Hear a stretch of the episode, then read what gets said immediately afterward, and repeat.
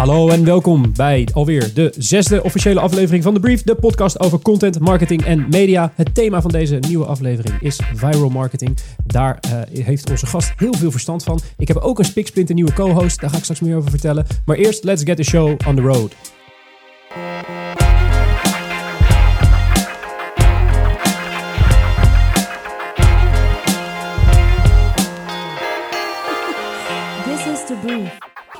Ja, en dan zijn we terug in de studio. En zoals gezegd, het thema van deze, eh, deze uh, nieuwe aflevering is viral marketing, virale marketing. Ehm, dat betekent dat ik een gast heb die daar vanzelfsprekend iets mee te maken heeft. Dat is Erik Hensel. Erik begon bij 538, heeft dus radioervaring en een zwoel stemgeluid. Dat is heel mooi. Schreef twee novellen, Vluchten van mij, Joggen op de trappen van geluk. Dan denkt u, wanneer komt die viral marketing nou om de hoek kijken? Nou, dat heeft eigenlijk meer te maken met het bedrijf dat Erik runt. Dat is Live Hunters, een viral video bedrijf. Die kennen jullie van eh, dat ze onder andere voor IKEA, NS en Q-Music hebben gedaan. En dan denkt u welk werk? Nou, als ik zeg het IKEA-schilderij in het museum of het McDonald's eten op de voedselbeurs, dan weet u waarschijnlijk exact om welke video's het gaat. Die video's zijn de wereld over gegaan. Ze waren te zien op 9gag, BuzzFeed, de LA Times, eh, eh, Al Jazeera, ABC News. Eh, Erik is eigenlijk overal wel een beetje te zien. Op Adformatie, onze mediapartner, hem omdat hij ja, eigenlijk wekelijks schrijft over de viral van de week. Maar nu is hij bij ons in de studio. Erik, Ja, hi. wat een eer. Ja, heb je, het, eh, heb je er een beetje zin in? Ik heb er super veel zin in. Heb je de radiostudio een beetje gemist? Ja. Ja? Nou, nou, ik vind radio vind ik nog steeds een van de leukste dingen die er is. En ik, me, ik, me, ik eh, kom ook nog graag kijken in radiostudio's. Kijk eens aan. Nou, je bent hier altijd welkom. Eh, Erik zit aan mijn rechterzijde, dat kunt u niet zien, maar dat weet u nu bij deze. Aan mijn linkerhand bent u normaal liter gewend aan dan wel het warme stemgeluid van Frank Goren, dan wel het warme stemgeluid van Matthijs Tielman. Nu heb ik een ander persoon meegenomen, een goede collega van mij. Dat is Thomas Rozenkamp, de mediabelofte van het jaar 2017, jawel. Eh, Thomas, welkom. Eh, je bent strategist bij eh, The Agency, en mijn, compa mijn compaan binnen dat bureau. Hoe is het met je? Goed, Ja, heb je er een beetje zin in? ik heb er heel veel zin in. Ben je een beetje zenuwachtig? Gezonde spanningen. Gezonde spanningen. Nou, daar houden we van. Dan gaan we snel naar het nieuws om die spanningen weg te werken. Het nieuws, daar gaan we. Ja, het eerste nieuwsitem van de week. Dat eh, komt eh, eh, bij ons via Matthijs, of, Thomas. God, zie mij, dan noem ik je bijna Matthijs. Thomas, ga je gang. Mijn nieuwsitem gaat over de volgende kop. Comedy Central will replace a full ad break each month with one of its branded content series. Het nieuwsitem is bij ons gekomen via Adweek. Goed, nou volgens mij herkennen we het allemaal wel. Je kijkt naar je favoriete tv-programma en net voor het moment komen weer die reclames. Je gaat wat anders doen, zet een kop koffie of pak je mobieltje om even door je Instagram-feed te scrollen. Zelfs die zoveelste babyfoto van je vrienden is nog boeiender dan die vervelende tamponreclame. Het is een toenemend fenomeen. Sterker nog, volgens een onderzoek door de Harvard Business Review uit 2014 blijkt dat het percentage reclames dat volledig wordt uitgekeken sterk is gedaald. Waar reclames in de jaren 90 eh, nog voor 97% helemaal werden uitgekeken, is dit in 2014 nog maar 20%. Dit heeft niet alleen gevolgen voor adverteerders, maar heeft ook impact op televisiezenders. Om de kijkers ook tijdens reclameblokken vast te kunnen houden, heeft daarom Amerikaanse tv-zender Comedy Central eh, een nieuw initiatief gestart. Eens per maand vervangen ze namelijk een volledig reclameblok, dat normaal gevuld wordt, gevuld wordt door spotjes, door een eigen branded content serie. Met andere woorden, Comedy Central experimenteert met een televisievariant van branded content. Nou, hoe moeten we dat nou voor ons zien? Elke maand verschijnt er een 2,5 minuut durende aflevering als onderdeel van een wat grotere serie. En die formats die passen volledig binnen de stijl van Comedy Central en die voelen daardoor ook aan als een kort programmaatje. Eh, dat is ook de reden dat Comedy Central hoopt dat die series goed worden bekeken en dat men niet meer weg zal zetten. Eh, ondanks dat die natuurlijk nog best wel eh, interruptief zijn. Mocht het een succes blijken te zijn, dan is het voor adverteerders winst, doordat er naast gegarandeerd bereik ook hoge mate van aandacht plaatsvindt, waar het natuurlijk allemaal om te doen is. Eh, en voor Comedy Central betekent succes dat het de inkomsten uit tv-reclame veilig worden gesteld. Eh, en omdat adverteerders direct met de zender schakelen voor het maken en inkopen van die serie, eh, heeft Comedy Central niet meer alleen controle over het type communicatie die op hun zender plaatsvindt, maar hebben ze ook meer grip op hun reclame-inkomsten. Wat mij betreft best wel een slimme move. Ja, vind ik ook. Maar be- betekent dit dat ze al plannen hebben? Is er al een merk die, heeft gezegd, joh, wij, wij zien er wel wat in, in die ja, eigenlijk mini-televisieprogramma's eh, met onze merknaam erin? Eh, zeker. In december zijn ze gestart, geloof ik, eh, met het eh, format genaamd Handy. Eh, dat gaat over de avonturen van een handmodel. Eh, de eerste aflevering heette Eric Gets Crabs, waarin de, eh, ehm, eh, Klinkt goed. Klinkt smakelijk, ja. waarin de integra- integratie wordt gedaan met Joe's Crab Shack, dat is een Amerikaanse eh, eh, eh, restaurantketen. Eh, en in die aflevering wordt zogenaamd eh, het, het nieuwe handmodel Erik gevolgd, die een spotje gaat opnemen. En daar zit natuurlijk heel veel grappen in en er gaat, eh, er gaat van alles fout. Grappig. Dus het is, dus het is inderdaad een, een format wat bedacht is door de mensen van Comedy Central. eh, maar bedoeld louter en alleen om merken in te pushen. Dus we gaan ervan uit dat dan iedere aflevering van, hoe heet het, Handy? Handy? Handy draait dan weer om een ander merk, als ik het goed begrijp. Het is, het is wel eens gebeurd ook, want je hebt een eh, televisieprogramma gehad. Ik weet niet precies hoe dat heet. Het was een eh, comedy show. En daarbij eh gingen over een reclamebureau. En de, de, de commercials die in dat reclamebureau werden bedacht, werden in die blokken uitgezonden. Dat was Ja. superleuk. was Ja, dat. klopt, Ik ja. weet niet hoe dat heette. Ja, volgens mij was dat niet een, een eh, Scandinavisch eh, Denemarken of Zweden of zo? eh, van oorsprong? Ik vond het ontzettend leuk bedacht. Ja, grappig. grappig. Nou, eh, hopen, eh, wij als content marketeers hopen dat hier merken ma- massaal op gaan inspringen. eh, mits ze ja, de, het aandurven. Want het lijkt me wel dat het, ja, je moet als merk zijn er wel een beetje controle weten eh, los te laten over hoe je merk in de media of in, in je advertentie naar, buiten, naar voren komt. Ja, absoluut. Eh, ik denk dat dat nog voor, voor, voor heel veel merken wel een uitdaging is. Erik, het is jouw eh, expertise volgens mij wel een beetje Ja. om eh, adverteerders zover te krijgen. Merk jij dat in, jouw eh, in jouw business ook? Ehm, nou ja, kijk, klanten komen meestal bij ons als ze wel ons werk kennen en ze weten wat we doen. Dus wij zeggen ook vaak wel in de eerste gesprekken al van, joh, je moet het echt durven loslaten. En we merken natuurlijk sommige klanten, zeker wat meer echt hele corporate klanten, die ja, daar toch moeite mee hebben en het vast willen houden. En het grappige is altijd, de klanten die het meeste loslaten, dat wordt het grootste succes. Dus als ze zeggen, jongens, ga het maar doen, dan kunnen we zeg maar ultiem scoren. Ja. Terwijl als we het heel erg grip op proberen- proberen te houden, ja, dan raken wij ook onze feeling kwijt en dan is het moeilijker voor ons om te scoren. Juist. Nou, over die grote scores gaan we, gaan we het later eh, hebben. Eh, het tweede eh, nieuwsitem eh, van deze aflevering van de brief komt bij ons via Marketing Week. En die draait eigenlijk volledig om een, speech die de Chief Brand Officer van Procter Gamble, Mark Pritchard, heeft gegeven tijdens het, een jaarlijkse leiderschapsbijeenkomst van de IAB, de Interactive Advertising Bureau. Ehm, en dat heeft nogal wat doen opschudden, want die meneer heeft ja, bepaalde dingen geroepen. Eh, ehm, ja, daar zijn mensen nogal van in de war, of in ieder geval daar zijn ze een beetje van geschrokken. Procter Gamble, zoals je eh, wellicht weet, is de grootste adverteerder van de wereld. Dus als eh, de Chief Brand Officer van Procter Gamble wat zegt, dan wordt er nogal goed geluisterd. Want eh, ja, die mensen leggen heel veel eh, centjes in de advertentiemarkt neer. Wat, wat is nou een beetje het ding eh, volgens meneer Pritchard? Is, eh, ehm, hij had eigenlijk vier punten die hij wilde maken. Enerzijds draaide het om eh, de onbetrouwbaarheid, of in ieder geval de, de, de, de niet-transparantheid. Of de, ja, de niet-transparantheid inderdaad, soort van, eh, van programmatic advertising. Eh, en, en daar had hij eerst een soort tirade over. En ineens riep hij eh, dat iedere ehm, partner van Procter Gamble, iedere, ieder lid in een media supply chain, zoals hij het zo noemt, dient voor het einde van het jaar zich te houden aan dezelfde standaarden als het gaat om rapporteren als dat zij doen. En dat zijn de standaarden van de Media Ratings Council.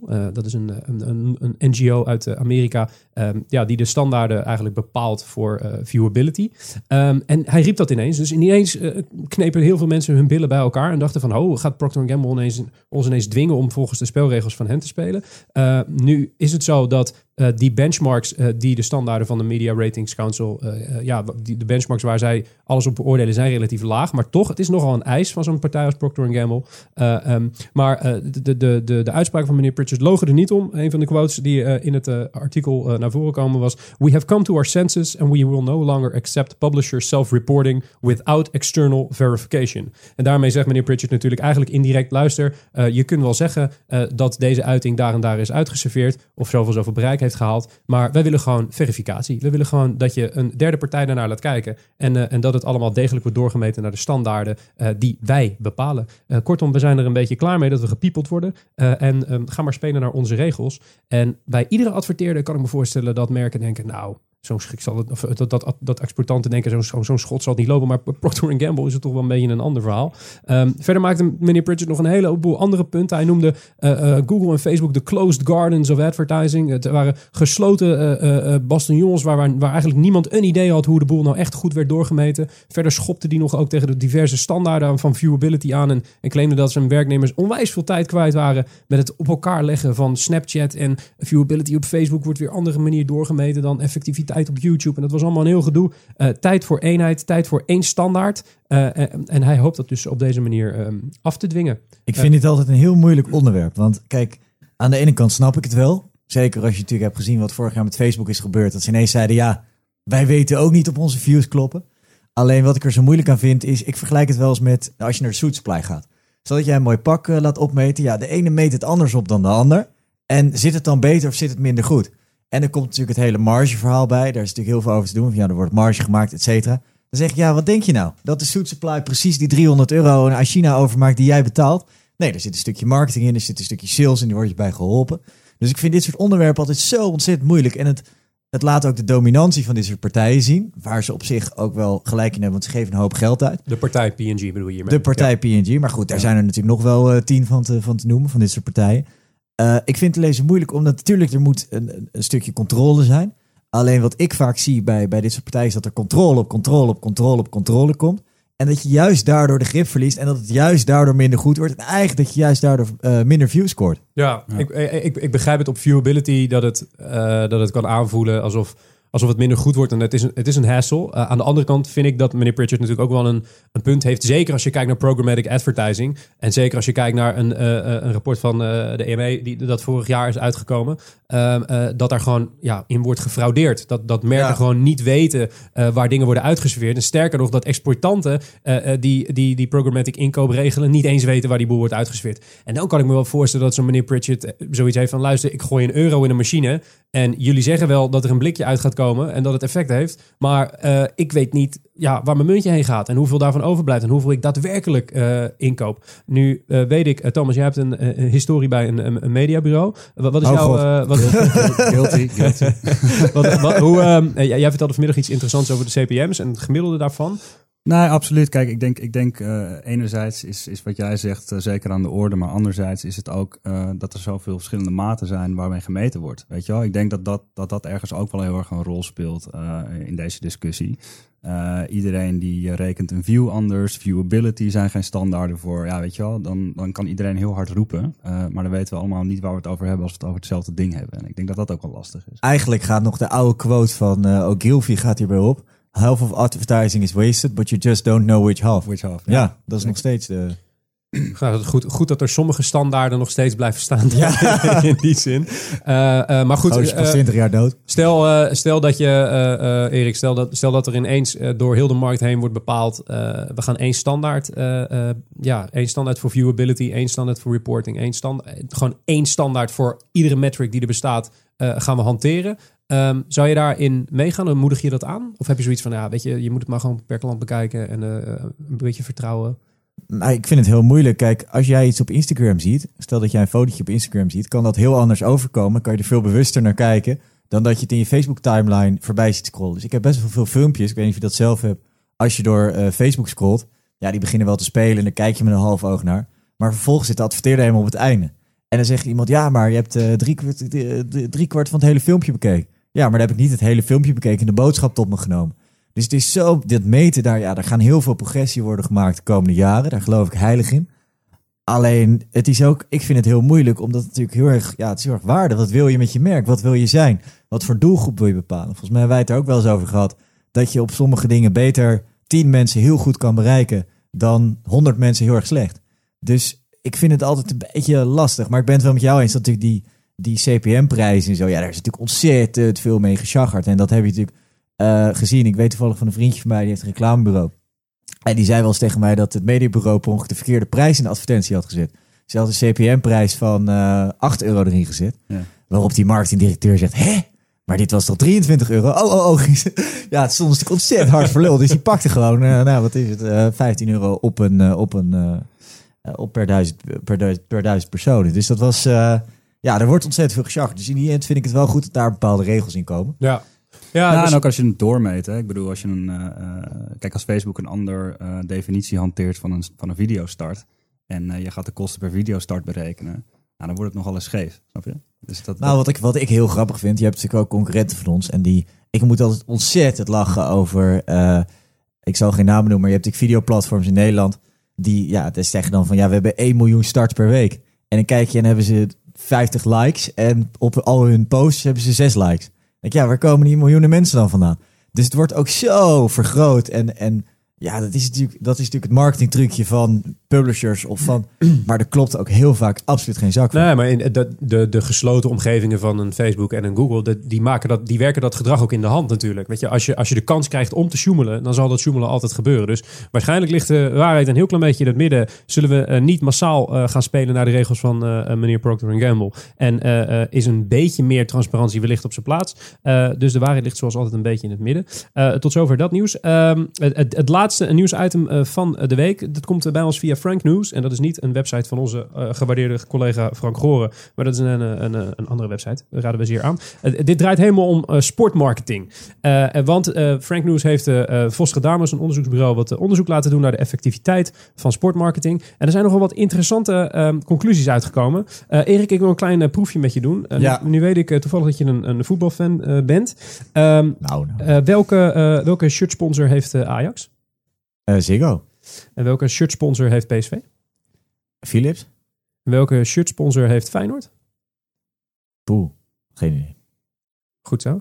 Ehm, dit geeft geen- wel... Je, je, Opel. Nee, Opel is de sponsor van het ding, maar Oké, die nou, staan er volgens mij niet op. je, je valideert eigenlijk in één klap heel het onderzoek wat Frank News heeft laten doen. De shirtsponsor van eh, PSV is namelijk Energie Direct. Oh ja, fuck. Ja, eh, eh, en, en de, de shirtsponsor van Ajax heb je wel goed, maar ik weet toevallig dat dit je favoriete club is. Ehm, eh, de- het, artikel gaat er eigenlijk over dat, ja, dat men eigenlijk niet meer vaak een link legt tussen het merk en de club die ze sponsoren. En, en een van de onderzoek, of een van de dingen die ze hebben onderzocht, waren de shirtsponsors van eh, eh, ja, de, de grote drie. Ehm, eh, even kijken, eh 66% eh, wist, of da- denkt dat Ziggo de hoofdsponsor van Ajax is. 25% denkt Egon. Nou, dat is, dat is eh, verkeerd, die laatste.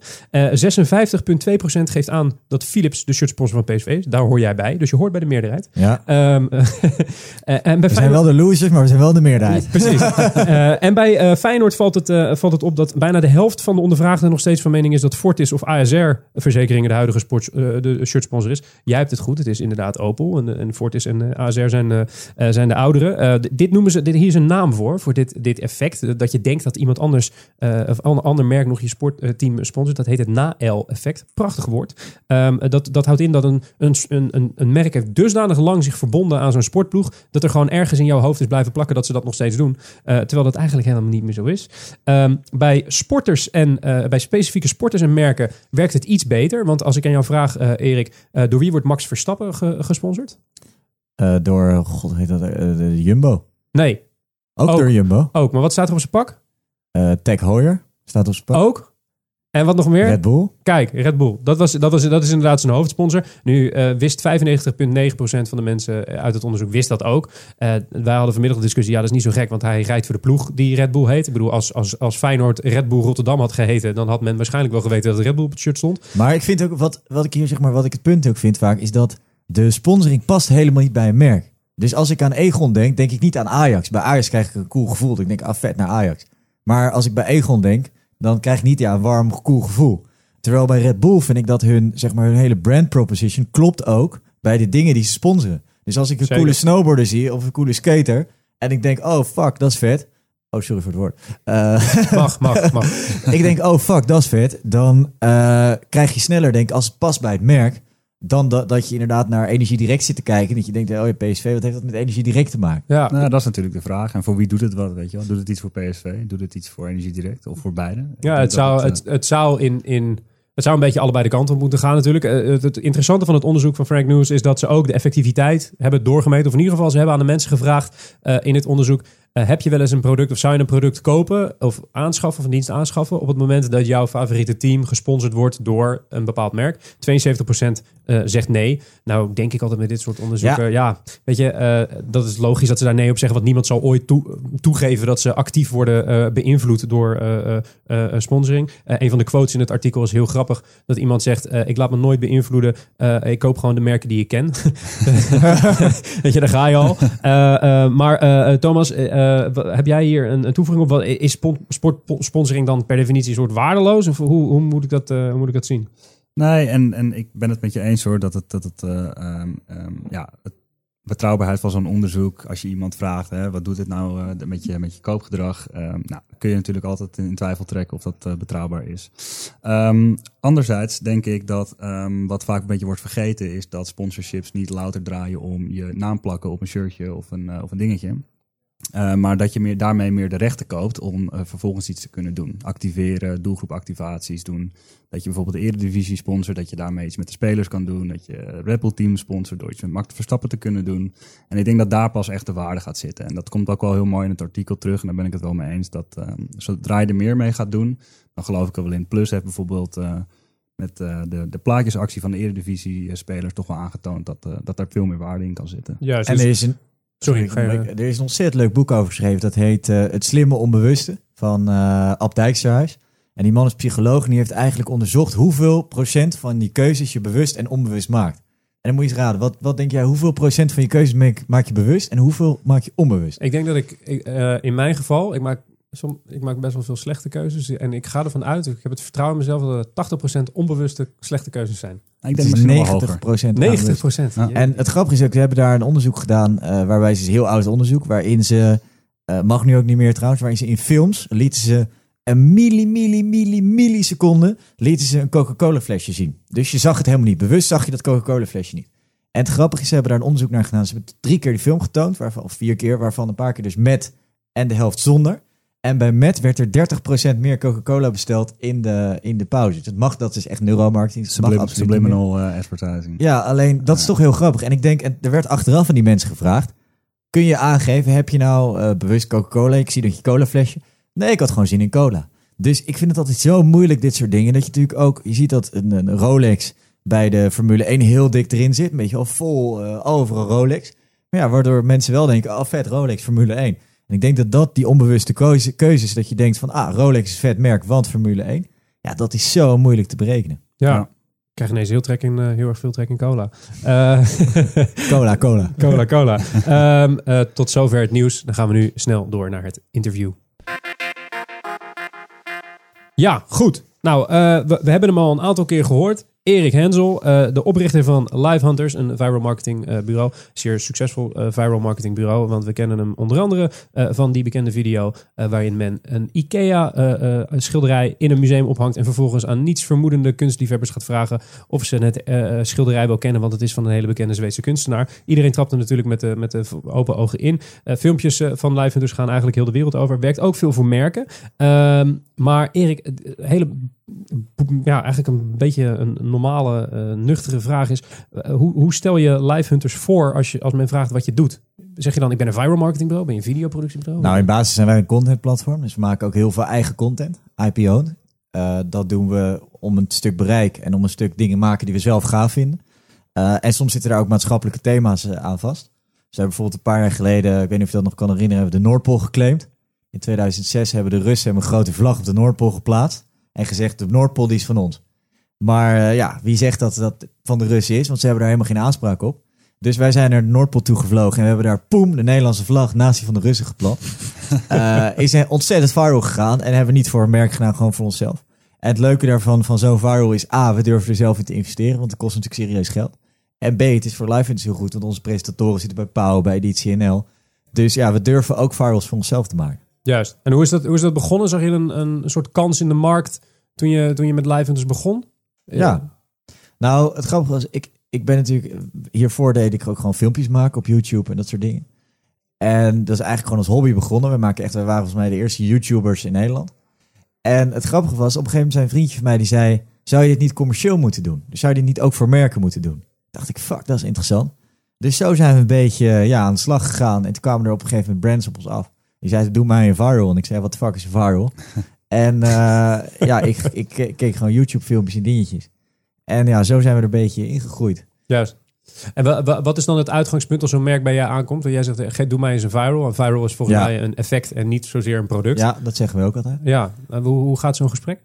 Uh, nou, vaak komt de klant met een specifieke briefing, een specifieke vraag. Dus dat kan zijn, joh, de perceptie op ons merk is X, kun je dat veranderen naar Y? Uh, soms is het, joh, we lanceren een nieuw product, kun je daar iets ludieks voor bedenken? Uh, soms is het gewoon, joh, dit is ons merk. Uh, we zijn een beetje suffig, doe er wat leuks. Dus het is heel vaak wel echt heel erg op brief. En zo ook bijvoorbeeld dat IKEA-ding wat je, wat je vertelde, dat het idee daarachter was. We hebben ook echt voor IKEA gemaakt. Hebben we 30 miljoen views mee gescoord. En het leuke daaraan was dat eigenlijk heel veel mensen keken als ze naar kunst van IKEA keken. Ja, weet je wel, iedereen kent dat standaard model eh, met die taxis van IKEA. Weet je wel, iedere studentenkamer heeft dat ding in zijn, in zijn boven zijn Er zijn bed. zelfs wc-brillen van, weet ik. Ja, dat ding is zo standaard. Dus iedereen kent eigenlijk IKEA van die kunst. En IKEA die kwam naar ons toe en die zei, joh, kunnen we eigenlijk niet, we gaan nu wat meer populaire kunst maken, dus echt moderne kunst. Zouden we dat niet op een ludieke manier de wereld in kunnen helpen? Nou, dat was de Art Event collectie en dat is nu eh, vorig jaar, twee jaar geleden geweest. En ja, dat is op die manier gelanceerd. Het leuke was daaraan, vond ik dat de KPI was, krijg aandacht voor die collectie. Ja, nou, er is bij Boulevard over die collectie gesproken, bij Editie NL, bij Live for You, eh, Al Jazeera, Russia Today. Dus dat heeft zo'n gigantische impact gehad. Juist. Houd het, houd het dan ook daarop bij, eh, bij aandacht, oftewel bereik. Aandacht maakt alles mooi, dat is een uh, slogan. Eh, nee. nee, dat ligt er een beetje aan hoe je het insteekt. Eh, we hebben natuurlijk ook echt puur campagnes gedaan op, op kliks en op sales. En dat is ook iets wat echt wel kan. Alleen dan maak je een heel ander soort campagne. Heb je veel meer paid nodig. Eh, dus het hangt er heel erg vanaf, zeg maar, ja, wat voor een type content je wil of wat voor type dingen je wil doen. Dus, dus eigenlijk zeg je hoe dichter eh, zo'n video op, op een conversie KPI zit, des te meer gas je erachter moet geven, want dan is de video per definitie commerciëler. Is dat wat je bedoelde? Zo? Ja, eigenlijk wel. Nou, bijvoorbeeld met die Art Event collectie was wel leuk. Daar zag je ook echt terug in sales. Eh, daar zag je echt terug in sales dat mensen dit gingen kopen. We hebben bijvoorbeeld ook een campagne voor NS gemaakt, waarbij we NS Extra hebben gelanceerd. Was de doelstelling 90.000 eh, leden die zich aanmelden voor NS Extra. Dat zijn er 190.000 geworden. Dus daarom vind ik het wel leuk dat zeg maar, die, die, ja, die dingen hebben ook echt wel effect. En mensen die zich zeggen, oh, ik heb me aangemeld daarvoor. Dus alleen, ehm, ja, dat hangt heel erg af van de, van de briefing en van het doel. Ja, het klinkt, het klinkt wel alsof merken altijd best, met best wel een gerichte vraag naar je toe komen. Hoe, hoe ziet een, een pakket... Ik kom als merk kom ik bij, bij Live Hunters binnen. Ja. Wat, is, wat is het pakket wat je aanbiedt? Is dat eh, eh, concept productie, Nou, distributie? Of, of is er ja. geen distributie erbij? Moet een mediabureau Nee, het dat is doen? eh, concept productie seeding. Het concept, daar vragen we altijd geld voor. Dat doen we eigenlijk uit principe. We hebben het vroeger nooit gedaan. Alleen wat we heel vaak hebben gezien is dat de klant zei, ja, doe even een idee. En nou ja, dat weten jullie natuurlijk net zo goed als ik. Een idee kost gewoon fucking veel werk en tijd en energie. Dus we hebben daar geld voor gevraagd. En sindsdien hebben we ook eigenlijk alles wat we, volgens mij 90% van waar we concepting doen, verkopen we ook. Alleen, het is voor ons te moeilijk om te zeggen, doe even een idee. We komen een super idee aan en zeggen, ja, de baas vindt het niet leuk. Dus de klant moet een beetje pijn voelen. Dat zeggen we ook letterlijk tegen de klant. Van ja, we kunnen wel een idee gaan bedenken. Wij steken er super veel geld, tijd en energie in. Eh, en je hebt te makkelijk nu om, om nee te zeggen. Ehm, vervolgens gaan we in productie. We maken een hele goede script. Dus eh, je krijgt echt een script van A tot Z krijg je voor je neus. Om ook te weten van ja, waar gaat dit naartoe? We maken storyboards, et cetera. Dan gaan we draaien. En veel dingen zijn natuurlijk candid gedraaid. De candid dingen die we draaien, draaien ook echt altijd met echte mensen. Ik had toevallig vandaag nog een klant aan de telefoon die kunnen we toch een acteur? Ik zei nee, Stuk, stukje controle weer. een stukje controle. Ik zei, dat moet je echt loslaten. Het moeten echte mensen zijn. En anders doen we het ook niet. Eh, en dan ga je seeding in. En seeding heeft natuurlijk twee, twee facetten eigenlijk. Eentje is paid seeding. Nou, want jullie hebben ook veel campagnes gedraaid. Dat is gewoon het inkoop van blogs, fora en nieuwsmedia. En door middel van die paid seeding hoop je natuurlijk zoveel mogelijk PR te krijgen. Dus we hebben echt een seeding team en die belt de Telegraaf en de Volkskrant. En die zegt, jongens, eh, we hebben weer iets briljants. Eh, kun je het alsjeblieft posten? Juist. En, en, en betekent dat dat je... ehm, eh, betekent dat je, dat je soms ook ideeën voorlegt die gewoon worden afgeschoten? We hebben wel eens, we hebben wel eens een heel goed idee gehad die, ik, eh, ja, die we niet hebben verkocht. En, en hoe gaat dat gesprek dan? Is het, is het zo dat je. eh, is er een manier hoe je toch een beetje kan toevoegen? Is er bijvoorbeeld iets wat je hebt gemaakt waarvan je denkt, ja, daar hebben we eigenlijk net even iets te veel ingeboet. En als we het anders hadden gedaan, had het wel beter gewerkt, bijvoorbeeld? Nou, kijk, dat hangt er vanaf. Er, er zijn natuurlijk zonder concrete case te noemen, zijn er wel eens klanten geweest die iets wilden laten zien van hun bedrijf. Wat wij echt heel erg hebben afgeraden, omdat het ja, ging trekken. En het grappige is, eh, waar je dat zag, dus waar je zag dat we dat hebben laten zien van dat bedrijf, zag je ook de kijkers echt als een idioot naar beneden gaan. Dus toen dacht ik, ja, we hebben daar te veel ingeboet. Maar aan de andere kant, de klant, zijn doel was dat te laten zien. Dus ja, dat is een beetje waar we het eerder deze uitzending over hadden. Is nou de KPI heel veel views halen of is de KPI dat te laten zien? Ja. Ja, Eh, en hier was de KPI dat te laten zien. Dus dat is gelukt, ja. Maar viral zegt het eigenlijk al, dat iets gaat vliegen. Ja, Eh, dan kan ik me voorstellen dat je per definitie eh, tegen een adverteerder zegt... joh, weet je, ehm, ehm, we gaan iets maken wat mensen tof vinden en, Ja. en willen delen. Eh, hoe ga je daarmee om? wij, eh, wij werken met eye-tracking software. Dus wat we doen, we hebben een panel van 500 man. Die kijken naar de content en we meten door van seconde tot seconde waar ze wegkijken, waar ze lachen, waar ze moeten huilen, wat ze interessant vinden, wat ze niet interessant vinden, welke muziek werkt, welke muziek niet werkt.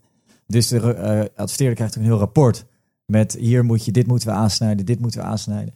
Ook om een beetje te voorkomen dat je in eindeloze feedbackrondes terechtkomt. We zeggen gewoon, we baseren het op data. Dus een stukje data uit ons bedrijf. Dat sterker nog eens een van onze belangrijkste verkoopdingen eigenlijk. Uh, dus we meten echt alles door. En ook om te voorkomen dat, zeg maar, ja, dat je denkt van, hé, hey, dit is briljant. Maar ja, jij kan iets briljant vinden, maar zij kan het minder briljant vinden. Dus we meten echt door. En dus we krijgen ook wel eens uit rapporten dat zeggen, ja, mannen vinden het fantastisch, vrouwen vinden het wat minder. Dan zeggen we ook tegen de klant, joh, dit komt eruit. Wil je dat we dat veranderen of vind je dat prima? Uh, dus in die zin, we baseren het echt op data en op cijfers en op echte mensen. En waar, en waar kijk je dan naar, naar die data? Kijk je dan naar, uh, ik bedoel, ergens moet de shareability erin zitten. Ja. Maar uh, ik kan me ook voorstellen dat je, dat je een bepaald merkattribuut over wil brengen. Is dat ook iets wat je dan meeneemt? Ja, wordt ook gemeten. Dus bijvoorbeeld de, de boodschap van de adverteerder wordt meegemeten. wat we bijvoorbeeld ook helemaal doormeten is, is wanneer mensen wegkijken. Vind ik altijd heel interessant. Ja. Dat doen we ook gewoon door het aan mensen te laten zien en te kijken, hey, wanneer kijkt iemand even weg, als maar een seconde, dan ben je er blijkbaar niet genoeg door geboeid. Uh, dus in basis van meten, en we meten bijvoorbeeld door van, stel dat jouw KPI is, de perceptie moet veranderen van mijn merk, dan meten we door, is die perceptie veranderd? En van 100 mensen die hebben gezien, is de perceptie op jouw merk veranderd? En dat maakt ons product ook wel uniek, dat we zijn niet zomaar een bureautje die grappige filmpjes maken. Ja, daar, daar, dat, dat, dat kom je niet mee weg. Dus in die zin, alles wat wij doen is gebaseerd op data en echte mensen. En betekent dat ook dat je hebt, je hebt een aantal van die, van die filmpjes en, uh, gemaakt? Weet je, de, de IKEA-voorbeeld is ja. al gehad. Je hebt één keer uh, uh, McDonald's eten gevoerd aan mensen op een voedselbeurs en geclaimd dat het heel high-end voedsel was. Ja. die hebben het allemaal hartstikke goed gedaan. Zo zijn er meer voorbeelden uit jullie portfolio te noemen die echt zijn gaan vliegen. Ja. betekent dat ook met het data-ding in het achterhoofd dat er een bepaalde formule achter jullie werk zit? Zijn er bepaalde stappen die je altijd doorloopt om zo'n viral effect voor elkaar te krijgen? Nou, ik zeg wel eens bij ons, zeg ik van, dat is een hele goede vraag. Ik zeg wel eens, je moet de krantenkop voor je zien. Dus het moment dat je de krantenkop niet voor je ziet, dan doen we het niet. En dat is wel grappig. Ik zag bijvoorbeeld, ik, ik zie natuurlijk andere seeding agencies ook wel eens daarmee spelen. Uh, een krantenkop hoeft dus niet te zijn, uh, weet ik veel, leuke viral van uh, NS, ik zeg maar wat. Maar de krantenkop kan ook zijn. Ik, ik zag één voorbeeld van een concurrent van ons, wat ik wel intelligent vond. Die hadden, was voor de Efteling, hadden die, die film gemaakt met dat ze door zo'n bootje gingen ze door de Efteling. Niet een fantastische viral, maar gingen ze door de Efteling en kwam er zogenaamd een echte tijger was. Met After Effects was dat inge, ingemaakt. En toen hadden ze het seeding agency, die had, en dat vond ik best wel slim, die hadden gewoon gezet, uh, ophef om echte tijger in Efteling. Dus die hadden een paar reacties gepakt. Uh, en die hadden naar de Telegraaf gebeld. Die zeiden, joh, er is super veel ophef. Iedereen praat erover en dit en dat. Maar ja, wel helemaal geen ophef. Uh, maar daar hebben ze zelf van gemaakt. Dus ja. die, je moet die krantenkop zeg maar voor je zien. En dat is wel de, de, de core van ons business. Ja. Is dat dan ook een essentieel stuk, uh, het PR-matige, hoe je daar PR-matig mee omgaat met de content? Of, ja. of misschien juist van tevoren met je seeding-strategie? Ja, nou, wij laten ons seeding-team ook altijd aanhaken bij uh, brainstorms. En dan kijken we van, hey, kan je dit wegzetten? Hoe wordt erop gereageerd? Soms testen we het ook wel eens bij bloggers, fora en uh, journalisten. En dan vragen we dus ook van, joh, wat vind je hiervan? zou je dit posten? Is het interessant genoeg? Vind je het te lang? Vind je het te kort? Alleen het grappige is, nu kom ik eigenlijk, nu ga ik mezelf een beetje tegenspreken, maar soms moet je ook, en dat niet vaak, maar dat moet je doen op gevoel en het gevoel van je bedrijf. Soms moet je ook ergens je hand voor het vuur steken. We hebben bijvoorbeeld een viral gemaakt, uh, Maand zonder suiker. Waar we eigenlijk hebben doorgemeten, wat doet suiker nou met je lichaam? Hebben we gemaakt samen met Laplace. Laplace heeft dat gesponsord. En we hebben eigenlijk gewoon heel puur gekeken van op bloedwaardes, op je cholesterol, op je vet, op je histamine. Waarin verandert nou uh, je, je lichaam als je geen suiker meer eet? Nou, dat ding duurde acht minuten. Iedereen zei het te lang. Iedereen, echt iedereen. De proeven zeiden, ik zei fuck it, we gaan hem zo uitzenden. Hij is goed en hij is interessant. En, en alles sprak tegen.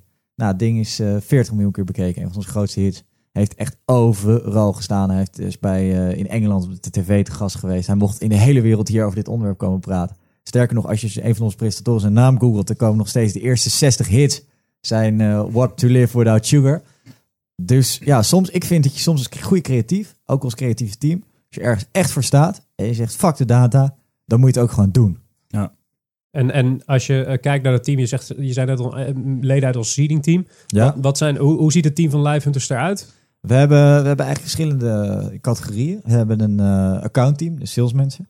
Uh, die gaan, ja, sales vind ik altijd naar woord, maar die praten met de klant en die kijken eigenlijk van ja, wat kunnen we nou het beste doen? We zeggen ook vaak nee tegen klanten. Dat klinkt een beetje gek, maar wij kunnen niet iedere klant serven. Soms dat een budgetkwestie dat er te weinig budget is, maar soms is het ook dat we zeggen, joh, het past niet bij je merk of je kan het beter niet doen op deze briefing. Het leuke is dat sinds we dat, nou, we doen het eigenlijk altijd. We hebben dat ook echt ingeno- altijd voorgenomen om dat te doen. Dus de basis moet heel goed zijn voor de klant en anders doen we het niet. En het leuke is dat de klant ineens een half jaar later bellen en dat ze zeggen: hey, ik vond het zo tof dat je vorige keer zei dat het niet bij ons past, dat we het niet moesten doen. Ik heb nu dit en dat en dat past perfect bij ons en dat gaan we met jullie doen en dat is gigantisch. Dus het leuke is dat het heel vaak ook weer weer terugkomt omdat we heel eerlijk zijn. En niet een soort sales team hebben die maar gaan en gas geven en advertentietjes verkopen. Eh, dus we hebben account team, we hebben seeding. Ja, seeding bestaat natuurlijk uit paid, uit non-paid. Ehm, dan hebben we een stukje productie. We hebben een stukje non-branded productie. En we hebben een stukje creatie. Ja. Als je het hebt over, die, over, die, over zo'n over zo'n seedingplan. En je zei net al 40 miljoen, 40 miljoen views op die Ja. eh, maat van de suiker. Eh, verhoudingsgewijs, hoeveel is daar achter geduwd en hoeveel is daar earned? Nou, dat is 99% earned. Ja? Ja. En waar komt het bereik dan vandaan? Is dat, is dat je owned kanaal? Dus en dat, want je Own channels, andere channels. Nou goed, het goede hiervan was natuurlijk dat dit ontzettend op, opgespakt in het nieuws. Dus wat je bijvoorbeeld van die 40 miljoen views zijn 7 miljoen YouTube views. Maar alleen op de Daily Mail had dit 8 miljoen views. Dus ja, dat tikt het wel aan. Wat je heel veel ziet nu zijn grote Facebook pagina's. Die worden steeds belangrijker. Bijvoorbeeld de LED Bible was dit op gedeeld. Ja, dan zie je al, kom je weer met 12 miljoen views. Dus dan begint de teller wat te lopen. Ja. Eh, dus heel veel, ja, een stukje is IPO, een stukje is eh, andere platformen. Juist. En is het, is het zo dat je, eh, dan kan ik me voorstellen dat zo'n Daily Mail dat misschien weer deelt in een eigen player? Of pakken ze dan gewoon jullie, jullie Soms player? eigen players. En, en Begint ma- maakt dat je uit? Ik heb binnen eh, eh, onze filosofie is het zo. Bij ons maakt het niet zo heel erg veel uit waar ze, waar ze je content zien. Zolang ze Nee. het maar zien, is dat iets wat, jullie, wat jullie ook na Ja, streven? 100%. Ik vind dat wat je heel erg ziet, grappig dat NPO's daar bijvoorbeeld heel erg mee bezig. En ook andere online platforms heel erg bezig met die content in huis te houden. Het moet binnen ons platform en ze moeten naar die website. Nee, je moet gaan waar je publiek zit. En als je publiek op de Daily Mail zit, dan moet je daar je publiek pakken. En als je publiek eh, op Al Jazeera zit, dan moet je daar je publiek pakken. Als jouw publiek op uh, Omroep 1, op eh, NPO 1 zit, dan moet je daar je publiek pakken. Dus het maakt mij, van mij mag iedereen alles insluiten wat ze maar willen. Ja. Als ze onze naam maar noemen. En, en, en eh, als je kijkt naar die, naar die owned kanalen, dan je zegt van nou, daar mogen ze best dingen. Van, het mag best ergens anders eh, eh, zwerven, maar je hebt natuurlijk je eigen eh, eh, YouTube aanwezigheid. Ja, Hoe, wat voor functie heeft dat voor live hunters? Is het, is het zo, je parkeert daar als een soort showcase je reductionele eh, video's, zodat merken kunnen zien wat je kan maken? Ja, het is een stukje bereik. Het is een stukje bereik, dat we ook eigen bereik hebben. En het is een stukje followers creëren. Maar het is ook een stukje inderdaad... Wat bij ons heel goed werkt, is wij beginnen ook altijd alles hey, met Bart van Live Hunters. Dus wat bij ons heel goed werkt, zijn zeg maar die poppen. We hebben ook een poppenmodel, dus met onze presentatoren. Eh, wij koppelen ook per persoonlijkheidskleur koppelen we zeg maar aan een klant. Dus bij sommige klanten zeggen we nou, die is meer dominant. Dan nemen we die presentator. Dus ons hele model is wel toegespitst op zeg maar, het vanuit live doen. En het voordeel daarvan is, wat we heel erg zien, is dat die seeding makkelijker gaat. Want als jij namens McDonald's komt of namens, eh, weet ik veel, eh, de ja, LG, dan is het moeilijker om het geseed te krijgen. Terwijl vanuit ons, ja, we hebben al die volgersbase en we hebben die dingen al. Eh dus seeding gaat makkelijker, dus eigenlijk alles gaat makkelijker. En het onderscheidt ons van reclamebureaus. Juist. En, en eh, dan kan ik me wel voorstellen dat, dat een merk, ja, die willen gewoon hun videootje op hun eigen kanaal hebben staan. Ja, Ehm, maar ik kan me voorstellen dat het op jullie kanaal wellicht sneller gaat vliegen. Klopt dat? ja dat is ook wel eens een, een discussie met klanten. En vaak doen we het, soms doen we het 50-50. We komen er altijd wel uit, zeg maar. Ja. En 50-50 bedoel je dan dat de ene helft eh, zet ja, je... dus dat we beginnen bij ons en dan daarna op de kanalen van de klant. Dus, dus ja, het is vaak een beetje van alles wat, zeg maar. Ja. En als je het hebt over eh, garantie op succes, in Ja. hoeverre kan je dat, kan je dat van tevoren afgeven? Nou ja, kijk, we hebben natuurlijk seeding budget. Dus in die end is er altijd wel, we hebben gewoon KPI's om ons aan te houden. En we geven altijd KPI's af. Als we die KPI's niet aan, als we ons niet aan die KPI's houden, gaan we zelf door investeren om alle KPI's te halen. Eh, dus in die end zitten er altijd garanties aan. En je komt er ook niet meer weg om geen garanties te hebben. Nou, Ehm, en er zit, ja, er zit een stukje peet achter. En dat stukje peet zijn ook de garanties die wij naar de klanten toegeven. Eh, Het is wel zo dat je, eigenlijk komen hier nu een soort van gezamenlijk tot de conclusie, je kan eigenlijk geen viral creëren zonder daar peet bij in te zetten. Is dat, is dat nee, een conclusie? nou ben ik niet helemaal met je eens. We hebben wel echt virals gecreëerd waar nul peet achter zat. De, de eerste McDonald's eh, voor foodies, daar is geen euro peet seeding eh, achter gezet. Nee, maar de kans, de kans dat je hem zo raakt, dat je de bal zo goed raakt, is, is het risico is voor een merk, denk ik, één keer te nemen. Maar de tweede keer denk je toch, laten we er toch maar wat achter zetten. Nou, het, ja, het is, het, wij zeggen nu wel altijd van er moet wat stukje peet achter. mhm. Dat heeft natuurlijk ook te maken met de garanties en, en niet af willen gaan. Maar het grappige is bijvoorbeeld, je hebt natuurlijk die briljante Volvo Epic Split heb je gehad eh, van Volvo. Wat ik nog steeds een van de beste virals ooit vind. En er zijn natuurlijk heel veel klanten die zeggen, ja, doe mij zo'n viral. Dan zeg ik, ja, maar dan mag je ook een miljoen seeding budget mee gaan meenemen. Want daar heeft een miljoen seeding budget achter gezeten. En volgens mij heeft AOL erop gezeten en er heel veel paid, paid media. Dus in die end is het natuurlijk heel moeilijke vergelijking. Dat maakt ook het vak wel eens lastig. Ik vind waar ik bijvoorbeeld allergisch voor ben, eh, eh, zijn van die lijstjes met de 10 beste virals. Nee, daar zit gewoon een ton seeding achter. Ja, dat is helemaal geen fucking viral. Eh, ik zag bijvoorbeeld laatst in de, in de adformatie stond dan op, op 8 stond Appie Today. Dacht, het is gewoon 100% gekocht. Ja. Ja, weet je wel, dat maakt dan niet de 10 beste YouTube dingen. Nee, dat, ja, tuurlijk, dan kan ik het ook. Dus dat vind ik er wel moeilijk aan, zeg maar. Dat, en dat is natuurlijk ook vanuit ons. Ja, wat is het verschil tussen paid, non-paid, earned, shared? Ja, het is natuurlijk ook een inherent andere eh, kijker die je hebt. Iemand die van, van zichzelf aankomt en het boel helemaal uitkijkt. Dus per definitie, die zou eigenlijk voor twee moeten tellen. Bij wijze van spreken in, Ja. je, in, je, in je telletje. Eh, eh, er is ook een beroemde case voor, voor ABN gemaakt. Ik zal niet zeggen door wie. En die gasten die, die zijn natuurlijk zijn eigenlijk onze enige concurrent in Nederland, vind ik. En die gasten lopen altijd heel erg mee te koop dat dat ding eh, 42 miljoen keer is bekeken. Toen ging ik kijken waar dat ding 42 miljoen is bekeken. Het was niet op YouTube, was op een of ander Russisch of Amerikaans Facebook kanaal. Toen dacht ik, ja, wat de fuck heeft ABN AMRO eraan? Het ging om de hypotheken van ABN AMRO. Dus dat is natuurlijk wel wat er moeilijk aan is. is ja, je wil, we hadden het in het begin van deze uitzending over. Je wil je views pakken, maar je moet ook je views pakken wat voor de klant interessant is. Ja. ja, Het begint dus dan, dan ook wel weer bij een goede seedingstrategie. Ja, En niet alleen maar bij een leuk filmpje. ja absoluut. Hey, als je kijkt naar de markt, hè, eh, ik, ik vraag me af, eh, als content marketeer kan ik kijken naar viral marketing en kan ik denken, ja, je, je hebt eigenlijk een soort van eh, de nieuwe eh, TVC gemaakt. Je bent één keer aan het blazen, vaak met veel geld erachter en eh, daarna is het weg. Hoe, hoe duurzaam is zo'n viral marketing strategie? Is het iets wat deel moet uitmaken van je marketing mix? Of, of zie je het Weet als je wat grappig is? ding? Wij maken natuurlijk alles vanuit Live Ventures. En het grappige is dat ik daar soms wel eens over nadenk. En denk, maar zouden mensen dat wel kennen? En ik was een keertje, was ik, dit is geen lulverhaal, was ik in Riga, in de stad Riga, en met mijn toenmalige hockeyteam. En we waren daar al de hele weekend gezopen en vlogen terug. En daar was iemand op het vliegveld van die in Riga woonde. En die zei, ik raakte met haar aan de praten. En ze zei, joh, wat doe je dan? En zei ja, viral marketing, dit en dat. En ze zei, oh, wat grappig. Jij kijkt nooit eh, YouTube-filmpjes en dingen. En ik zei, oh, grappig. Zei ze, maar wat voor dingen maak je dan? En vertelde ik over het IKEA-schilderij. En ze zei, natuurlijk heb ik die gezien. Nou, iemand in fucking Riga. En toen dacht ik dus, de kracht van, van, van virals en van dingen is toch ook dat de hele wereld ziet dat het in één klap een attentiebron is. Ja, Dus eh, nee, ik denk dat zeker. Ik denk dat het heel duurzaam is. En we hebben natuurlijk ook wel campagnes die gewoon eh, een maand lopen. Ja, ja dat, dat begrijp ik. Ik begrijp je punt. De vraag is wel of dat meisje in Riga eh, ook door heeft gehad dat het van Ikea was. Of dat het gewoon een leuk filmpje was dat deel uitmaakte van haar internetconsumptie of het Nou, internetcultuur. kijk, dat, dat is de, de KPI van Ikea was, de doelstelling van Ikea was dat zij hun perceptie wilden veranderen. En ik denk dat dat hebben we heel goed doorgemeten of dat zo is gebeurd. Dat is gebeurd. Dus het hangt natuurlijk, en dat is een beetje waar we het eerder over hadden, wil je sales? Wat, wat is de doelstelling van een campagne? Dus in die zin ben ik het niet helemaal met je eens dat het één Big Bang is of één TVC. Ik ken TVC, sterker nog, we hebben zelf twee TVC's gemaakt ooit, die ontzettend goed hebben gescoord, maar die fucking simpel waren. Was gewoon koop dit en dat. Nu voor een tientje. ja. Ja, en het eh, was voor een webshop en het ging echt stegen per dag superveel omhoog. Omdat hun doelstelling sales was. Dus ja, ik vind het altijd heel moeilijk. En het is natuurlijk een beetje vanuit, vanuit marketingperspectief en vanuit ons. Wil je zo graag mogelijk de mooiste dingen maken? Tuurlijk, daar heb ik 100% eh, wil ik dat. Alleen je moet ook kijken naar de doelstelling van de klant. Ja, we hadden het net inderdaad ook een beetje over controle kunnen loslaten. Weet je wel? Op, op het moment dat je een commercial maakt, dan kun je dat heel erg beheersen. En dan kun je heel erg goed sturen op, op wat je wel en niet laat zien en hoe je het laat zien. Eh, dat kun je natuurlijk met een viral iets minder, want je moet heel erg nadenken over: vinden mensen dit wel leuk? Willen mensen dit wel zien? Willen mensen dit doorsturen? Ja, Eh, merk je dan ook dat je, dat je daar ergens op gaat inleveren? Ik bedoel, maak je een TVC of maak je een, dus aanhalingstekens viral, eh, eh, zul je dan moeten, moeten inboeten op de controle en daarmee ook de boodschap die je daarmee kan vertellen. het grappige is, we hebben ooit een case gemaakt voor Q Music. En het idee daarvan was, ze hadden nog één laatste ticket voor het Q Hotel in de sneeuw.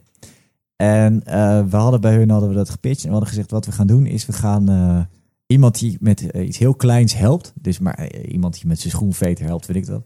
eh, die gaan we op een bizarre manier belonen. Dus diegene die krijgt een privéjet, helikopters, de hele fucking mikmak. En die gaat op die manier naar het Q Hotel in de sneeuw.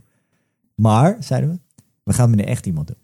Nou, voel je maar aankomen de klant, ja, hoe gaan we dat dan doen? Dus we hadden op die dag hadden we Rotterdam Alexandrium zaten. En de klant was erbij.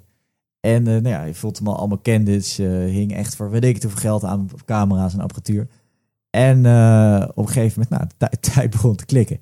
En niemand hielp hem. Hij moest zijn keybox op het dak zetten. Niemand hielp hem. en we zaten met die klant, zaten we dus in dat busje. Zo'n candidate busje met die, met die regiecamera's en dingen. En het- ik was er toevallig niet bij. Maar, en ik, ja, je zag die klanten kijken van, oh my fucking god. En niemand hielp. En toen op een gegeven moment kwam er een gozer, die, kwam, die werkte bij KPN. Die kwam uit de KPN-winkel.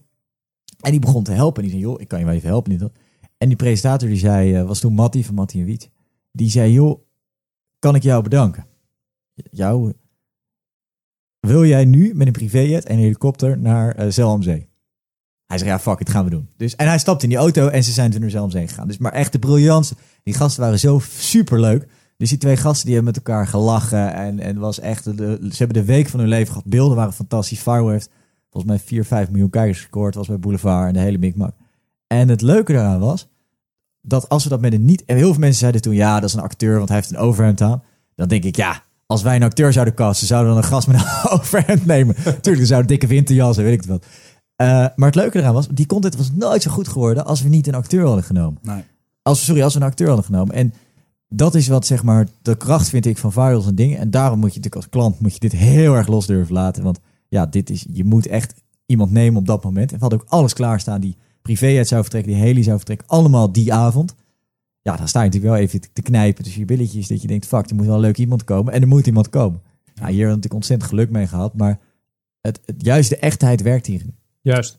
Mocht je nou eh, thuis eh, zitten te luisteren en denken... wat klinken de beschrijvingen van die filmpjes ontzettend leuk... en wat worden er interessante boeken en verwijzingen eh, genoemd. En die zou ik wel terug willen zien. Nou, dat is heel mooi. Daar hebben we show notes voor. Die kan je vinden op podcast.wayneparkagain.com. Eh, dat is een hele lange link. En dan denk je, waarom moet ik dat nou allemaal gaan opschrijven en doen? Nee, er staat in de beschrijving van deze podcast... gewoon netjes een linkje. Eén keer klikken en dan weet je precies... waar Erik, Thomas en ik het allemaal over hebben gehad. Ehm, eh, terug naar de, naar de toekomst. Want als afsluiten van het interview, de markt is natuurlijk eh, heel erg ver- veranderd. Hè? Orga- Organisch verkeer is door eh, eh, de hand op de kraan bij meneer Facebook redelijk dichtgedraaid. Ja. Dat heeft al heel veel gedaan in, in, in de markt. Welke, welke uitdagingen, waar, sta jij nu voor met, met Live Hunters in, in, in 2017? Nou, je ziet dat een stukje meer paid is. Je ziet ook dat de grote merken het sneller, het sneller overnemen. Ehm, ja, er gaat een stuk van paid naar earn schuiven. Dat zie je natuurlijk ook bij veel publishers. Dat zie je ook bij jullie. Soms kijk zie ik hem wel eens op jullie kanalen en dan, dan zie je dat een, eh, een fruit, eh, weet ik veel, zes likes scoort. Ja, hoeveel mensen gaan er dan naar fruit.nl? En dat begint nu moeilijk te worden. Eh, van ja, je, je krijgt, je earn gaat verschuiven naar paid. En dat komt vooral, ik denk dat heel veel publishers natuurlijk juist die kraan zoveel mogelijk willen openzetten. Van nou ja, kom vanuit Facebook zoveel mogelijk naar ons, dan hebben we traffic. Maar ik denk dat heel veel mensen er niet mee bezig zijn geweest van ja, maar hoe gaan we die traffic nou vasthouden door een app of door een ding. BuzzFeed vind ik bijvoorbeeld dat het heel slim heeft gedaan door heel veel content te pushen. Dus ik denk dat dat de grote uitdaging gaat worden. Voor zeker voor komend jaar. Van ja, hoe gaan we die earned media vasthouden? Omdat juist die grootmachten hebben zo super veel macht. Ja. Nou, ik weet vanuit onze eigen, van, je, je noemt inderdaad eh, mijn geliefde Fruit, waar ik ooit eh, op de hoofdredacteurstoel heb mogen zitten. Eh, ehm, eh, onze strategie vanuit de uitgeverij is vooral spreid het risico. Zorg voor zoveel mogelijk distributiekanalen, zorg voor een nieuwsbrief, zorg voor een zoveel mogelijk van manieren om maar eh, onder de grote blauwe eh, eh, duim van eh, Facebook eh, uit te komen. Eh, dat is eigenlijk de strategie eh, eh, die we nu voeren. Maar het is inderdaad een interessante manier hoe dat nog zich verder gaat duwen, welke partijen er gaan afvallen, et cetera. Ehm, Erik, hartstikke bedankt voor je komst naar de studio. Ik vond, Ik het, vond een, het eh, leuk. ik vond het een leuk gesprek. Eh, we hebben nog één vraag aan je. Dat is Ja. altijd dezelfde vraag. Wat is de beste content die je de afgelopen tijd hebt gezien? Eh, en dan niks wat je zelf hebt gemaakt. Ah, dat is jammer. Eh, ja, ik, je kan er niet omheen zijn gegaan. Het is niet commercieel. Het mag het ook niet commercieel zijn? Ja, natuurlijk wel. Ja, dat is natuurlijk het Donald Trump filmpje van, van zondag met Lubach. Ik vond het zo ontzettend goed. En ik vond het, het grappige is als dat, zeg maar voor Marketing Nederland of weet ik veel, voor de Nederland PR bureau, als je daarvoor dit had gepitcht, die hadden dit nooit gekocht. En dat vind ik er zo leuk aan, aan het idee, want het is reclame technisch super moeilijk eh, te verkopen. Eh, maar het idee was zo goed. Het idee klopte en de timing was goed. De grappen zaten erin. Het, het 100% een, een 10. En ja, wat, ik er, wat ik moeilijk vind, dat is natuurlijk leuk als je in dit vak zit, dat je dit heel erg aan klanten moet gaan verkopen. Dus je nou, we gaan een stem nemen van Donald Trump, die gaan we nadoen. En dan zie je beelden van Nederland. En ik zie gewoon een marketingmanager zitten die denkt, ja, ja, vind je het zelf Ik, leuk? voel, ik voel hem niet. Ik voel hem niet. Die, die, oh, zo'n dooddoener is dat. En het mooie eraan vind ik dat die Arjen Lubach dat is, ja, zelf heeft gedaan, zijn eigen tv-programma, dat je daar natuurlijk wat meer vrijheid hebt. En dat het zo'n ongelooflijk succes is geworden. Zelfs mensen in Singapore, in Hongkong, in, in, in LA, iedereen had het over dit filmpje. Dat echt heel knap. Top. Die gaan we toevoegen aan de show notes. Eh, dat betekent dat we aan het einde zijn gekomen van het interview, maar aan het begin van de enige rubriek van de brief. En de enige rubriek van de brief, dat is de Slow Win Quick Loss. Thomas, jij hebt de Slow Win van deze week. En de Slow Win Quick Loss, dat weten jullie natuurlijk thuis als trouwe luisteraars. Het gaat om een merk, een entiteit, een persoon, een iets wat binnen de markt een fout heeft gemaakt. Eh, dat is de Quick Loss. Of een heel goed beslissingje heeft gemaakt. En dat is de Slow Win. Maar we beginnen dus met die Slow Win. En eh, die is voor jou, eh, Thomas. Vertel. Yes, eh, mijn slow win gaat naar Silicon Valley, eh, maar in het bijzonder naar Brian Chesky. eh, en daarmee eigenlijk naar het bedrijf waar hij CEO en oprichter van is, namelijk Airbnb. Er is de laatste tijd namelijk een hoop te doen geweest om het tijdelijke inreisverbod dat president Trump, daar hebben we hem weer, heeft ingevoerd. Nog even kort voor de mensen die onder een steen hebben gelegen. Ehm, kom je uit een van de landen Iran, Irak, Libië, Somalië, Syrië en Jemen, dan geldt de komende maanden dat je de Verenigde Staten niet inkomt. Dat eh, het verbod wereldwijd veel besproken wordt, dat is wel duidelijk. Maar eh, wat ik wel opvallend vind, is dat nu, ook een groot, dat nu ook de grote technologiebedrijven zich hierover uitlaten. Eigenlijk alle grote spelers van dit moment hebben op verschillende manieren gereageerd. De CEO van Netflix en Mark Zuckerberg van Facebook spraken beide hun zorgen uit. En de oprichter van Google werd zelfs gezien bij een demonstratie tegen het verbod in San Francisco. Maar in mijn ogen de grootste statement op dit moment komt van Airbnb's Brian Chesky. Hij tweette namelijk op 29 januari het volgende. Airbnb is providing free housing to refugees and anyone not allowed in the US. Stay tuned for more. Contact me if urgent need for housing. Nou, wat betekent dat nou concreet? Je kunt je als huiseigenaar aanmelden op een speciale pagina op de website van Airbnb en kunt je huis gratis aanbieden voor mensen die direct getroffen zijn door het inreisverbod. En mocht je als getroffene eh, gebruik willen maken van de gratis accommodatie, maar je kan dat niet betalen, dan zal Airbnb dit voor je vergoeden. Nou, het is een erg eh, korte termijn oplossing, maar ik vind het echt wel heel erg tof dat bedrijven hun macht kunnen gebruiken om, eh, om het maatschappelijke belang te dienen. Dus kudos voor Airbnb. De slow win van de week naar Airbnb. Hartstikke mooi om eh, hun strijd eh, tegen Trump. Nou, ik vind, ik vind, het, eh, ik vind het mooi. De quick loss van deze week gaat indirect naar Facebook, want naar Instagram. Want wat heeft Instagram gedaan? En dan hoor ik u denken, ze hebben weer wat gejat. Ja, ze hebben inderdaad weer wat gejat. Want in de beta-versie van een van de nieuwere versies van Instagram ontdekte Mashable een, ja, een albumsfunctionaliteit. Dus het wordt straks mogelijk om naast losse foto's op Instagram ook albums te, downen, of te, delen met je vrienden. Eh godzijdank jatten ze nu wel iets van zichzelf eigenlijk. Dus eigenlijk jatten ze het niet, want ze worden hiermee gewoon een soort van tweede Facebook. Eh, en dat snijdt nu zo erg in de, in de- in de unieke identiteit van wat Instagram is. Want waar draait Instagram om? Instagram draait om het maken van die ene foto die dat moment zo, zo, zo vangt. En het delen van die ene foto, dat ene momentje waar je nou te knutselen met je filtertjes en je dingetjes. En nu gaat het gewoon gebeuren dat je massaal in je vriendengroep ziet Mograt de Bar 2014 en er worden ineens 27 foto's in je timeline gepland. En dat hebben we al, dat heet namelijk Facebook. En dat is niet goed, dat is geen vernieuwing, dat waren we al gewend van Instagram, maar dat ze nu ook zelfs van hun eigen portfolio gaan lopen jatten, dat is toch wel een hele vlek op vlek wat mij betreft. Dus de quick loss van deze week, of van deze aflevering, gaat naar Instagram voor het eh, schaamteloos jatten van hun eigen conceptje. Eh, maar ik heb het idee dat jij hier wat over wil zeggen. Nou, ik moet je zeggen dat toen zij dat eh, Stories lanceerden, dacht ik, jezus, wat schaamteloos eh, gekopieerd van Snapchat. En nu, ik zit wel eens op Instagram, ik kijk heel vaak die stiekem die storylines. En dat vind ik toch knap, dat zeg maar toen dat werd gelanceerd, dacht ik, ja, hmm, weet je wel. eh, en ik, ik zit er stiekem toch vaak te kijken. Op Snapchat. Nee, Nee, op, op Instagram. Op Instagram. Dus de, de, de storyline. ja, dat, je dat is het frustrerende hiervan. Is dat we elke keer eh, zeuren en elke keer eh, valt de hele creatieve wereld eh, over zichzelf heen. Omdat, omdat Instagram of Facebook weer wat gejat heeft. De realiteit is dat bij iedere vernieuwing van Instagram, of het nou Hyperloop is, of nou, noem al die functionaliteiten die ze hebben gejat, of Boomerang. Bij iedere vernieuwing gaat de engagement rate omhoog bij Instagram. Dus het werkt verdomme ook en nog. wat ook zo fucking frustrerend is, zijn mensen die dan... Ja, maar eh, Facebook eh, privacy... eh, maar dan verwijderen ze het niet. Denk ik, verwijder het dan doos, weet Ja. je wel. met deze, met deze opbeurende instructie bijna van Erik Hensel zijn we aan het einde gekomen van de zesde aflevering van de Brief. In deze aflevering hebben we gesproken over viral marketing. Eh, ehm, ik hoop hopen dat je het leuk vond. Ehm, de Brief wordt zoals elke editie gemaakt door de agency. Dat is het creatieve content marketingbureau van Wayne Parker Kent. En mocht je nu denken, dit was interessant, dit wil ik vaker horen, maar ik heb geen zin om het web af te surfen om die gasten te vinden. Nou, dat is heel mooi, want je kan je abonneren op deze podcast. Eh, dat valt te doen via iTunes, via Soundcloud en eigenlijk via iedere plek waar je deze podcast beluistert. Is wel een manier om, eh, om je te subscriben bij ons. Dus dat is helemaal goed. Heb je nou iets gehoord in deze podcast waarvan je denkt, dat zou ik nog meer eh, over willen weten? Dat filmpje wat Erik heeft omschreven, of dat ene artikel waar Thomas het over had, dat, dat wil ik nog eventjes nalezen. Dat kan. Dat kan namelijk in de show notes en die kan je vinden op wayneparkerkent.com slash podcast. Ehm, dan rest mij niks anders dan Erik Hensel te bedanken voor zijn komst naar de studio. Erik, dankjewel. Graag gedaan. Uh, en aan mijn linkerzijde Thomas Rozenkamp, mediabelofte van het jaar 2017. Uh, en mijn waarde collega Thomas, bedankt voor je komst. Geen probleem. Hoe was, hoe was je eerste podcast uh, als, als co-host? Ik vond het uh, leuk om te doen. Kijk, we, Zeker. we vonden het erg tof dat je bent, uh, bent genomen. Onze mediapartner, dames en heren, is zoals iedere editie Adformatie. Hartelijk dank daarvoor. de productie is zoals iedere aflevering in handen van de onvolprezen Kevin Eiken. Die heeft geen microfoon, maar die gaat toch wat zeggen. En beterschap, Kevin. en de redactie is sinds deze week in handen van onze kerstverse redacteur Jill Roderijs. En Jill heeft geen microfoon, maar die gaat toch wat roepen.